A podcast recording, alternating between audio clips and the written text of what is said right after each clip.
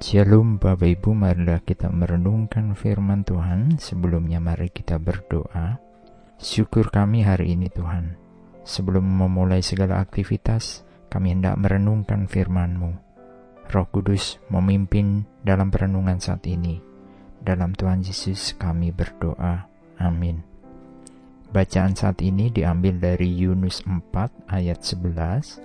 Yunus 4 ayat 11.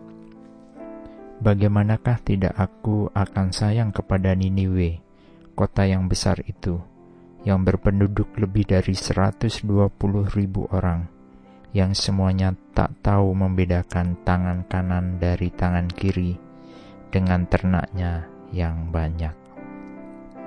Pernahkah kita memiliki perasaan emosional kepada seseorang, sehingga kita berpikir dan menginginkan sesuatu terburuk terjadi dalam kehidupan mereka. Atau ketika kita membenci tindakan dan perilaku sekelompok orang, kita berpikir dan berharap sesuatu terjadi pada mereka, atau bahkan menginginkan mereka hilang dari depan mata kita. Mungkin ini pemikiran yang kejam yang kita miliki, tapi bukankah demikian yang sebagian besar perasaan kita pikirkan bagi orang-orang yang telah membuat sakit hati kita? Kita mengenal Yunus, nabi yang diutus ke Niniwe, tetapi dia lari dan akhirnya ada dalam perut ikan besar selama tiga hari. Kita sangat mengenal kisah ini dan populer diceritakan saat di sekolah minggu. Yunus merasakan hal yang sama seperti yang kita pikirkan. Niniwe tidak pantas untuk Tuhan selamatkan, karena kejahatan mereka sungguh luar biasa. Yunus lari ketika Tuhan perintahkan untuk membawa Niniwe kembali bertobat kepada Tuhan. Bahkan ketika Yunus pun mau memberitahu tentang peringatan Tuhan kepada bangsa Niniwe, Yunus masih berharap Tuhan tetap menghukum Niniwe. Bukankah hal ini sama seperti kita?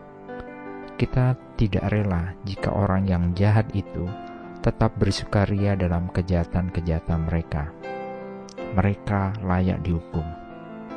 Jikapun mereka sadar, tetap saja kita menginginkan mereka bertanggung jawab perbuatan mereka. Intinya, tetap mereka dihukum dan jangan lepas begitu saja.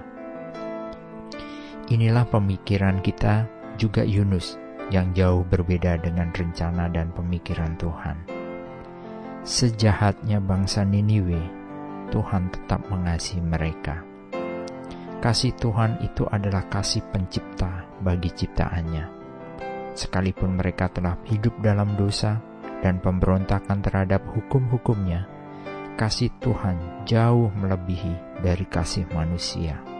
Kasih Allah bagi umat manusia menjangkau banyak hal, tidak hanya sekedar pengampunan perbuatan dosa, tapi juga mencari umat yang terhilang.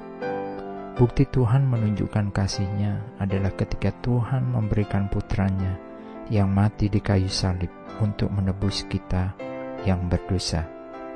Dan ia juga mengutus kita untuk mengabarkan berita sukacita Tuhan bagi setiap manusia, supaya setiap kita dapat diselamatkan.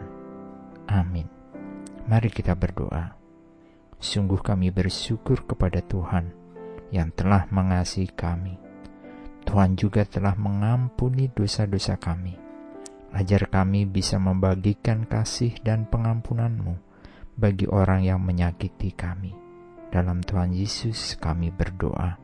Amin. Tuhan Yesus memberkati. Shalom.